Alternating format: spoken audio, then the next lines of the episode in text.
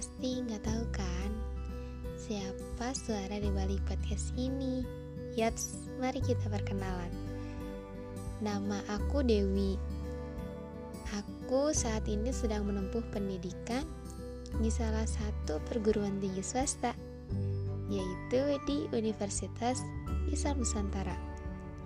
Dan kali ini aku bakal membahas tentang podcast-podcast yang pertama dulu yaitu tentang pendidikan.